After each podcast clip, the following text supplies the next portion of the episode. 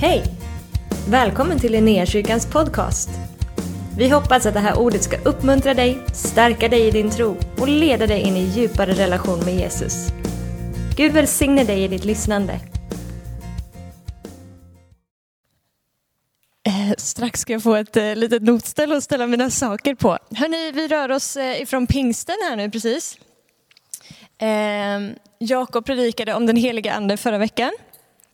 Och eh, jag tänker att vi ska fortsätta lite på det temat även idag och prata om vem denna helige ande är. Eh, och jag tänker att jag ska utgå ifrån ett eh, bibelord som vi hittar i Andra Timotebrevet, kapitel 1 och vers 7. Så står det så här. Gud har inte gett oss modlöshetens ande, utan kraftens, kärlekens och självbehärskningens ande kraftens, kärlekens och självbehärskningens ande.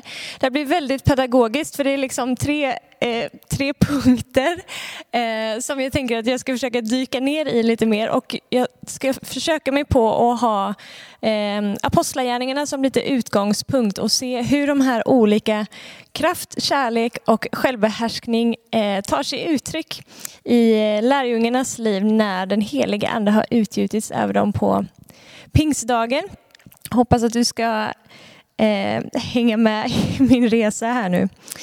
Eh, Jesus säger så här. Eh, han säger till sina lärjungar att de ska vänta i Jerusalem tills dess att den heliga ande utgjuts, utgjuts över dem. Eh, och så säger han att när den helige ande kommer över er, det här säger han i, kapitel 1 och vers 8 i Apostlagärningarna, när den helige ande kommer över er så ska ni få kraft och bli mina vittnen i Jerusalem och Judeen och Samarien och, och hela vägen till jordens yttersta gräns. Så ni ska få kraft när den helige ande kommer över er. Kraftens, kärlekens, självbehärskningens ande. Um, det första som jag skulle vilja slå fast i det här, för när vi sen läser vidare i kapitel 2, när den helige ande kommer över dem, så är det väldigt tydligt att Bibeln säger det hörs som ett dån ifrån himlen och som när en, en, en våldsam storm drar fram. Och det fyllde hela rummet där de satt. Och så är det tungor som av eld som visar sig, som fördelar sig och sätter sig liksom över vars och ens huvud. Eh, och det blir väldigt tydligt att det här är det här är liksom inte bara en psykologisk upplevelse som de alla har, någon slags liksom inre känslomässig grej som de går igenom. Utan det är faktiskt en, en yttre kraft som kommer över dem och som, som eh, beklär dem eller som också fyller dem i samma stund. Eh, varför jag vill slå an det på något sätt är för att ställa det i kontrast till kanske det som den här världens tänk är ibland när vi hör liksom att ja, men allt du behöver för att förändra den här världen, det finns inom dig.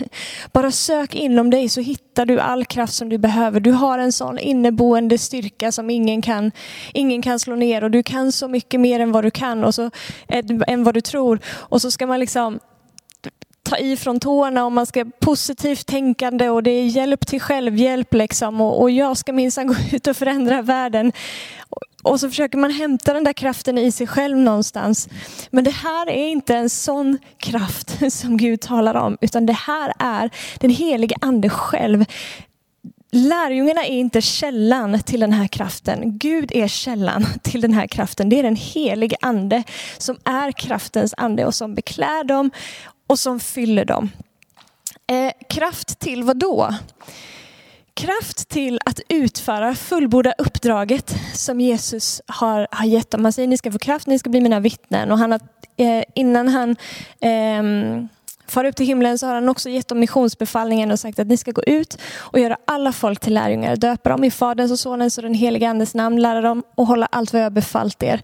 Eh, och för att, för att göra det så behöver de den här kraften. Eh, Läser man Apostlagärningarna kapitel 4 och vers 33 så står det så här, nej fel sida, nästa sida ska jag till. Vers 33 säger Med stor kraft bar apostlarna fram vittnesbördet om Herren Jesu uppståndelse och stor nåd var över dem alla. Det, det, är någonting som händer med deras sätt att vittna om Jesus när de har blivit fyllda, beklädda, döpta om du så vill, i den helige ande. Det är liksom inte bara lite fin fina ord och, och vältaliga saker som de har att säga här om Jesus. Utan med stor kraft så frambär de vittnesbördet. Alltså det, det är någonting som förlöses igenom dem när de vittnar om Jesus Kristus.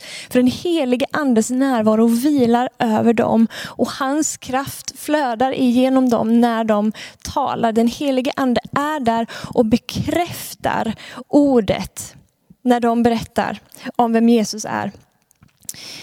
Eh, och på tal om eh, att bekräfta och under och tecken och sådär, läser man vidare i Apostlagärningarna 5 och 15 så står det, man bar till och med ut de sjuka på gatorna, la dem på bäddar och bårar för att åtminstone Petrus skugga skulle falla på någon av dem när han gick förbi. Folket runt omkring märker att där där lärjungarna går fram så, så händer det saker. Människor blir friska, lama börjar gå och det händer alla möjliga liksom, märkliga tecken och under. Så man har sån förväntan på vad Gud ska göra runt de här människornas liv. Så man till och med börjar bära ut sjuka, lägga dem på gatorna i förhoppningen om att åtminstone Petrus skugga skulle falla på dem eh, när han gick förbi. Den förhoppningen hos folket sitter ju inte i att Petrus är en allmänt smart kille och har lite vältalighet eller att han har liksom gått några hjälp till självhjälpskurser eller eh, har bra saker att säga. Utan det är så uppenbart att det är någonting som överskuggar honom. Den helige ande själv överskuggar honom om du så vill. Vilket gör att hans skugga på något sätt, den heliga andes närvaro är runt honom. Så bara att människor kommer i kontakt med hans skugga gör att de blir berörda av Guds närvaro, av Guds kraft. Och tecken och under sker. Det hade varit helt, helt omöjligt för, för lärjungarna, för oss, att försöka liksom få till sådana här grejer att hända genom vår egen duktiga kristendom. Liksom. Men när den helige ande blir utgjuten, när den helige ande kommer över oss, när den helige ande fyller oss, så blir det här resultatet. Vi blir bärare av Guds egen kraft. Denna kraftens ande gör också lärjungarna väldigt frimodiga helt plötsligt. Det står att Gud har inte gett oss en modlöshetens ande, utan kraftens, kärlekens och självbehärskningens ande. Dessa lärjungar som tidigare har, eh, när Jesus har dött, så stänger de in sig. För de är så rädda för judarna, de är, de är så rädda för vad som ska hända med dem, de fruktar för sina liv. Så de låser in sig, sitter bakom låsta dörrar och gömmer sig av fruktan. Eh, men nu blir det andra bullar. När den helige ande kommer över dem så vänds den här inåtvändheten till en utåtvändhet. Helt plötsligt så har denna rädsla och fruktan bytts ut till stor frimodighet. Och till och med när den här rörelsen börjar hända runt lärjungarnas liv, att människor börjar bli, bli friska, eh, lama börjar gå och så vidare, så, så blir det ju liksom många som tycker om det och en del tycker inte om det. Och lärjungarna ställs eh, liksom tvingas, de ställs till svars inför fariseerna och de skriftlärda och så här. Och de blir liksom förföljda, de blir piskade, de blir fängslade för det de gör. Men det får de ändå inte att gå tillbaka in i den här inåtvändheten och den här rädslan. Det hade varit så lätt för dem att gå tillbaka, stänga dörrarna för att de fruktar för sina liv. Fariseerna säger ju att de vill döda dem men de vågar inte för folkets skull. Men, men inte ens i den liksom förföljelsetiden så drar de sig tillbaka nu när, sen den heliga ande har blivit utgjuten. Utan istället så, så fortsätter de att predika, de fortsätter att be, bota de sjuka. Och de säger själva till de skriftlärda att vi måste lyda Gud mer än människor. vi hör att ni säger att ni inte vill att vi ska predika i Jesu namn. Ni har förbjudit, ni har förbjudit det. Men, men vi måste lyda Gud mer än människor och vi upplever att Gud leder oss till det här. Och så fortsätter de och de fortsätter och, och ropar till Gud att de ska bli fyllda av ännu mera frimodighet så att de kan fortsätta att frimodigt predika. Och det är liksom följetongen som är här sen genom hela apostlagärningarna. Den här frimodigheten som som är över dem som gör att de är ostoppbara. Och någonstans är det som att det är som att de liksom har blivit medvetna om att egentligen så har de liksom bara en i publiken som de ska behaga och det är Gud. De blir ganska obrydda om vad folk runt omkring dem tänker och tycker om dem. Vad folk runt omkring dem har för åsikter. Eh, eller vad som konsekvenserna skulle kunna bli om de predikar här eller om de botar den här sjuke. De har en i publiken som de är måna om att behaga. Jag tror att det är så när den heliga ande kommer över oss, när den heliga ande fyller oss, så blir vi mer gudsmedvetna än vad vi är människomedvetna i den bemärkelsen. Alltså Gud är ju människomedveten, han leder oss till människor, men det finns en, en skillnad i gudsfruktan och i människofruktan. De lever med gudsfruktan nu och inte med människofruktan. Kraftens ande. Vi speedar på, hoppar vidare till, pratar lite om vad det innebär att han är kärlekens ande. Det första tänker jag är att anden, den helige ande, när han fyller oss, han kommer över dig, så förmedlar han Guds kärlek till dig och mig i våra hjärtan. När Jesus blir döpt så står det att den helige ande kommer över honom i formen, form av en duva. Och så ljuder faderns röst ifrån himlen. Han säger, den är min älskade son.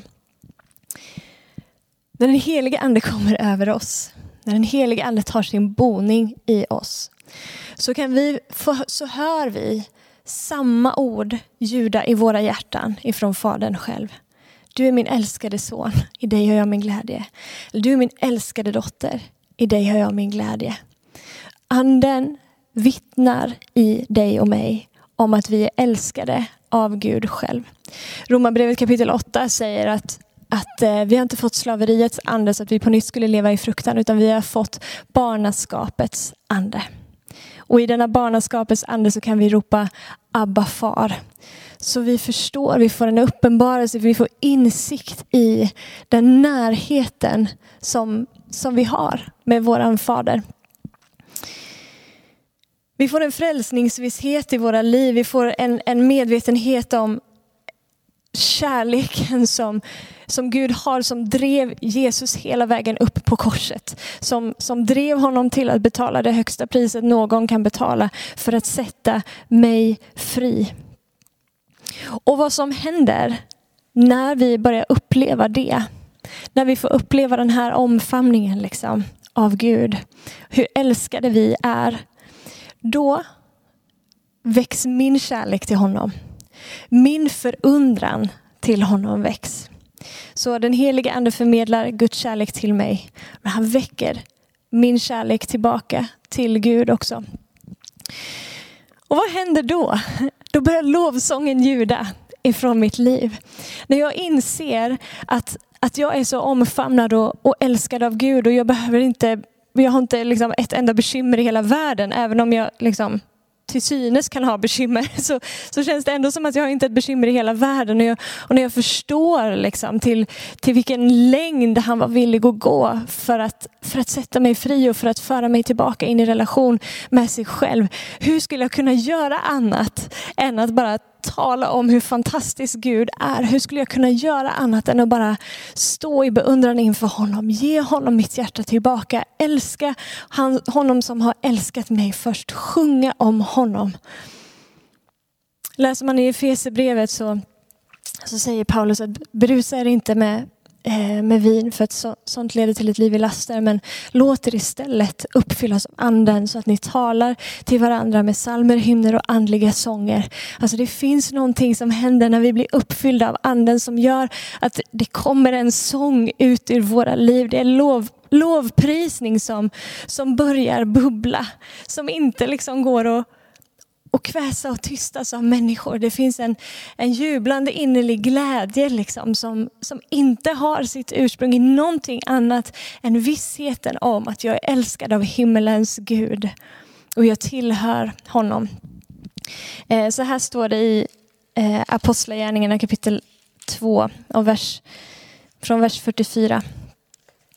Alla de troende var tillsammans och hade allt gemensamt. De började sälja sina egendomar och ägodelar och delade ut till alla efter vars och ens behov. Varje dag var de troget och enigt tillsammans i templet och i hemmen bröt de bröd och delade måltid med varandra i jublande innerlig glädje. De prisade Gud och var omtyckta av hela folket. Och Herren ökade var dag skaran med de som blev frälsta. Eh, fortsätter man att läsa lite längre fram i Apostlagärningarna i Apostlagärningarna kapitel 10 så står det om när hedningarna för första gången får ta emot anden. Eh, några verser in där i kapitel 10 så står det att när de hade tagit emot anden, det som hände då var att de började tala med nya tungor och de började sjunga lovsånger. De började prisa Gud. Det är ett naturligt resultat. Andens verk i våra liv. Då väcks den där lovsången, då väcks den där lovprisningen. Det som händer sen, tänker jag, i den här resan. När vi, när vi börjar liksom få den förståelsen mer av hur älskade vi är av Gud och jag älskar honom tillbaka så är det som att mycket av min självupptagenhet försvinner. För min, min blick har lyfts till honom jag är inte längre bekymrad. Jag oroar mig liksom inte längre för A, B, C, D grejer i, i mitt liv. För att bara, ja men Gud älskar ju mig. Han är ju en god far. Hur skulle han inte kunna ha omsorg om det här? Det är klart att Gud löser det här i mitt liv. Och jag kan släppa mycket av min, min självupptagenhet och liksom navelskådning. Min blick lyfts. Och det gör att inte bara blir jag gudsmedveten utan jag börjar också bli medveten om andra människor runt omkring mig. Så min kärlek till min medmänniska börjar också att väckas. Helt plötsligt så ser jag vad människor har för behov. Som vi läste här alldeles nyss från Apostlagärningarna 2, att, att de delade allt som de hade. De hade allt gemensamt. De delade ut till var och en vad de behövde. Det väcks någon slags vilja liksom att ta hand om den som inte har. Det väcks någon slags eh, liksom, nästan känsla av behov i mig. att Jag, jag måste hjälpa den svage. Jag, jag måste dra mig nära den fattige och, och ge det som jag kan. Jag kan inte längre bara vara upptagen av mig, mitt och mina. Guds kärlek driver mig till att se det som finns runt omkring mig och dela med mig av det som jag faktiskt har. Vi läste om det alldeles nyss där som sagt i Apostlagärningarna kapitel 2. Eh, det finns ytterligare ett ställe som, som talar om det här från kapitel 4 från vers 32. Hela skaran av de som hade kommit till tro var ett hjärta och en själ och ingen kallade något av det han ägde för sitt utan de hade allt gemensamt. Med stor kraft bar apostlarna fram vittnesbördet om Herren Jesu uppståndelse och stor nåd var över dem alla. Ingen av dem led någon brist. För alla som hade mark eller hus sålde sånt som de ägde och bar fram betalningen för det som sålts och lade ner det vid apostlarnas fötter. Och man delade ut åt var och en efter hans behov. Det är som att mycket av liksom mänskliga eh, gränser eller kulturella barriärer eller sånt där nedmonteras när vi blir fyllda av Guds ande. För vi börjar se att men vi är alla ett i Kristus. Vi är en kropp, vi är samma far. Vi tillhör alla honom. De här människorna är älskade liksom jag är älskad. Oavsett etnicitet, oavsett social status eller ekonomisk status eller yrke eller vad det än kan göra, vad det än kan vara. Mycket av sånt bryts ner när den helige ande kommer. Och det är också intressant, när den helige ande utgjuts på, på pingstdagen så börjar lärjungarna tala i tungor och de talar på alla möjliga olika språk så att alla de olika Eh, folken som fanns representerade i Jerusalem vid det här tillfället. De var meder och perser och eh, allt vad det nu var. Du får läsa själv därifrån Apostlagärningarna 2. Men de, det var liksom olika, de hade olika ursprung men alla hör sitt språk talas. Och de talar om Guds väldiga gärningar. Så oavsett vart man kom ifrån, oavsett status där, så gick evangeliet om Guds väldiga gärningar ut till alla dem. Det var inte någon som hade liksom försprång. Det var inte någon speciell typ av människa som hade liksom företräde här. Utan det går ut till dem alla. Okej, sista punkten. Vi har pratat om kraftens, kärlekens, självbehärskningens ande. Eh, så här säger eh, studiebibeln om vad självbehärskning är. Självbehärskning omfattar ett sunt sinne, fasthet och vilja att göra det som är rätt. Ett sunt sinne, fasthet och vilja att göra det som är rätt. Vad är ett sunt sinne? Eh, Kristi sinnelag kan man ju vara ganska säker på att det är ett sunt sinne. Den helige ande är sanningens ande. Eh, en av grejerna som han gör i ditt och mitt liv är att han verkar i oss för att vi ska förstå sanningen. Han ska föra oss ut i hela sanningen. Vi ska förstå den och sanningen ska göra oss fria. Han är där för att påminna dig och mig om vad Jesus har sagt. Han är där för att påminna dig och mig om vad Guds ord säger i en given situation, om vad Guds ord säger om, om vem du är, om vem han är. Och för att liksom räta ut om det finns krokiga grejer i, i vårt sätt att tänka om Gud, om oss själva eller om andra så är han där, sanningens ande, vittnar om det som är sant. Han tar av det som, som är av Gud och förmedlar det eh, på din och min insida. Och det här gör att vi blir mer och mer fria. Ni ska förstå sanningen och sanningen ska göra er fria. En, en, en inre frihetsprocess som, eh, som sker på din och min insida. Men i alla fall, ett sunt sinnelag. Sanningens ande, han ger oss skärpa. Han ger oss klarhet och han ger oss insikt. Vi, det är ju inte liksom rocket science att eh, ibland så är vi lite liksom grumlade i våran sikt kanske. Eh, och, och, det finns all möjlig förvirring som, som vill förvirra oss. Eller så. Och ibland så är vi där, fast vi kanske inte vill vara där. Men den helige ande kommer på din och min insida ger oss ljus, ger oss insikt, ger oss, ger oss klarhet. Vi behöver inte simma i de här liksom grumliga vattnen. Vi, vi behöver inte simma i liksom kompromissernas värld. Utan vi kan få låta oss förvandlas genom sinnets förnyelse. Han håller oss på den rätta vägen.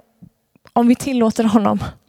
Om vi tillåter honom att verka på våra liv på, eh, på det sättet. Eh, att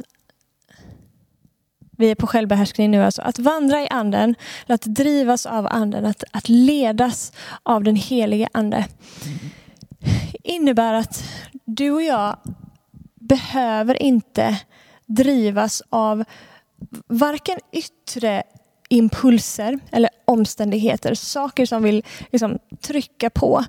Eh, bara liksom, en dag i livet så vet vi att det är liksom tusen olika grejer som kastas i våran väg som vi, vi hela tiden gör ett eller annat val i hur vi responderar på den omständigheten. Och vi kan inte styra våra omständigheter, vi kan inte kontrollera livet, men vi kan välja hur vi gensvarar på en viss situation. Vi kan välja hur, vi, hur vår respons ska vara i det läget. Eh, det finns också en massa inre tryck, grejer som händer på vår egen insida liksom av, av känslor som, går upp och ner, ibland eller ofta i takt kanske med hur omständigheterna eh, rör sig i, i våra liv. Men att drivas och ledas av Guds ande innebär att du och jag behöver inte drivas och ledas av varken de yttre omständigheterna och påtryckningarna eller de, de inre påtryckningarna, om du så vill. Utan anden i dig och mig blir kompassen i våra liv. Han, alltså Gud åker ju inte berg och dalbana liksom. Han åker inte upp och ner i sitt känsloliv. Han flackar inte hit och dit. Han, han är liksom ganska konstant i vem han är. Eh, och han, han responderar alltid till allting som händer utifrån den han är. Och det vacklar inte. Det förändras inte. Så anden i oss blir, blir kompassen, blir vår hjälp att navigera.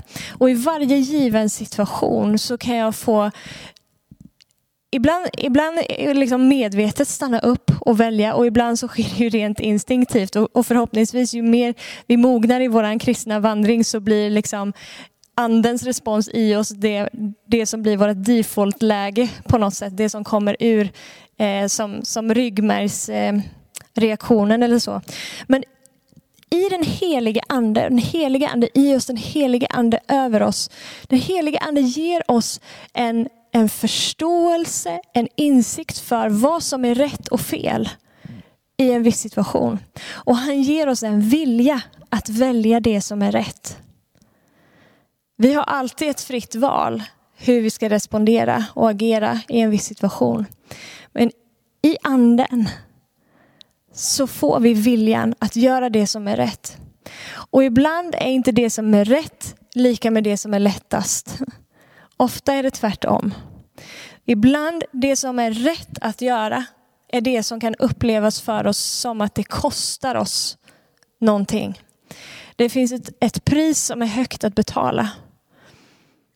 Det är inte alltid rätt att, att eller det är inte alltid lätt att följa det som som Bibeln säger, att stå upp för det som Bibeln säger när det trycker på liksom från alla möjliga håll från utsidan. Och det kan vara liksom mänskligt grupptryck eller det är liksom ett begär i ditt kött som bara reser sig. Liksom. Och vi har väl alla förmodligen varit där någon gång. Det är inte alltid lätt att då välja den vägen som, som faktiskt är den smala vägen. Den breda vägen är mycket enklare att gå. Men anden är vår hjälpare och han finns där för att ge oss nåd och hjälp i rätt tid. Och han ger oss viljan att välja den vägen som är, inte den lätta alltid, men den rätta. Det tänker jag är självbehärskning. Att respondera så som den helige ande i oss responderar. Välja den högre vägen vi får en förståelse och en insikt liksom helt plötsligt i att vi är, inte, vi är inte offer för våra omständigheter i den bemärkelsen. Vi är, inte, vi är inte offer för våra egna känslor eller för våra egna kötsliga drifter. Ingen sticker under stolen med att det är en kamp och att, att det liksom sliter i oss ibland. Men den helige ande i oss, över oss, ger oss kraften att resa oss över det där och att faktiskt välja en högre väg. Den helige ande i dig och mig är den som hjälper oss att faktiskt eh, för att använda ett väldigt liksom, så frikyrkligt ord kanske, men att gå i seger igenom livet. Att inte böja oss för det som är orättfärdigt, att inte böja oss för det som är orent, att inte liksom reagera i ilska exempelvis om, om det skulle vara en sån situation, eller inte börja leva i liksom, eh, omoraliska grejer, eller vad det än kan vara. Han hjälper oss att leva så som Jesus faktiskt levde. Därför ber vi, helige ande kom. Helige ande kom. Kom och fyll mig igen. Kom och fyll mig igen. Läser man apostlarnas resa här i början av apostlagärningarna så ser vi att anden utgjuts på, på pingstdagen. Och när de börjar gå ut, de börjar gå ut och röra sig i den här kraften, de börjar gå ut och röra sig i den här kärleken, eh, möta människor på olika sätt med Guds kärlek liksom, eh, och beröra människor med Guds kraft så möter de förföljelse, de, de blir piskade, de blir satta i fängelse. Men det de gör är att de går tillbaka till de sina. De samlas tillsammans igen och så ber de. Och så ropar de till Gud. Och när vi, när vi läser att de gör det så står det att de blev uppfyllda av anden igen. Och så gick de ut och bar fram vittnesbördet om Jesus igen. Och så gick de ut och botade sjuka igen. Men de går tillbaka till platsen av bön. Helige Ande, vi behöver dig. Vi behöver honom i våra liv. Vi behöver bli fyllda igen och igen och igen och igen. Tack gode Gud att han har utgjutit av sin ande, gjort sin ande tillgänglig för dig och mig. Utan en helig ande i våra liv så, så är våran tro inte levande. Vi behöver röra oss med den här kraften, vi behöver röra oss med den här kärleken. Och som sagt, vi är inte källan till den. Gud är källan till den. Han är den som ger den. Den kommer inte inifrån mig själv. Det här som vi läser om hur de lever, det, det går inte om vi försöker vara bara lite duktiga kristna. Liksom. Och predika väldigt fint och sjunga väldigt fint. Vi behöver bli beklädda i den helige andes kraft om och om och om igen så att det bara det bara händer runt omkring oss. Kärleken till Gud, kärleken till människor växer och det börjar hända saker för vi börjar se. Så vi ber, helige ande kom. Låt oss be. Herre vi tackar dig att du har gjort din ande tillgänglig för varje troende som vill följa Jesus, som är beredd att lägga ner sitt liv för Jesus, som är beredd att, att, att bli vad som helst för Jesus, gå var som helst för Jesus, göra vad som helst för Jesus. Där finns din ande tillgänglig så vi ropar. Vi ropar efter det Herre. Vi ber att du ville komma och fylla oss igen. Helige ande. Vi behöver dig. Vi behöver dig tackar dig att du är kraftens, kärlekens, självbehärskningens ande med allt vad det innebär Herre. Vi längtar efter att få röra oss i den kraften. Vi längtar efter att få se människor bli förvandlade av dig Herre. För att den kraften bor i oss och överskuggar oss. Och, och det är liksom helt omöjligt för människor att, att att inte bli eh, förvandlade av dig när de kommer i kontakt med din närvaro över våra liv, Herre. Vi behöver din ande för att förstå att du älskar oss. Vi behöver din ande för att älska dig tillbaka. Vi behöver din ande för att älska våra medmänniskor. Och det sätter oss i rörelse. Det blir som ett inre, ett inre driv, Herre. Vi, vi, vi vill inte, vi kan inte försöka piska upp den här kärleken till varandra i oss själva, Herre. Vi vill inte fejka den kärleken. Vi vill inte liksom låtsas vara goda. Utan vi ber här att den skulle få ta sin boning i oss. Att det skulle få skapa ett, ett driv och en rörelse som, som bara leder oss till de som behöver det som mest. För att vi skulle få känna ditt hjärta och dina pulsslag för den här människan som vi har framför oss. Jag ber också heliga Ande att du vill fylla oss så att vi ännu mer lär oss att vandra i anden. Att vi lär oss att vandra i dig. Att vi, att vi navigerar efter dig. Att vi låter allt vad du är få vara det som kommer ut ur oss när vi ställs inför pressade situationer. Eller inte pressade situationer för den delen också. Men att det skulle vara liksom din doft, Kristusdoften genom din ande som kommer ut ur våra liv i varje given situation. Så vi ber helige ande kom. Helige ande kom. Ber heliga Ande att du skulle väcka hungern i oss efter mer.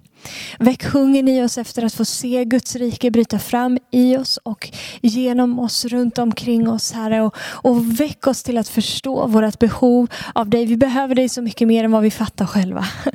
Men väck oss lite mer till att se lite mer av det. Vi ber så i Jesu namn. Amen. Amen. Jag längtar efter att få se ett, ett nytt utgjutande av den helige Ande i vår församling, i varje församling i, i vårt land och, och i vår värld. För den helige Andes kraft är det som förvandlar människors liv. Inte din och min fina tro. Men den helige Andes kraft. Så låt oss ropa efter det. Låt oss ropa efter mer av hans närvaro ibland oss. Låt oss ropa efter att få se hans härlighet manifesterad ännu mer mitt ibland oss. Amen. Eh, vi ska lovsjunga tillsammans och sen så ska vi be lite grann också.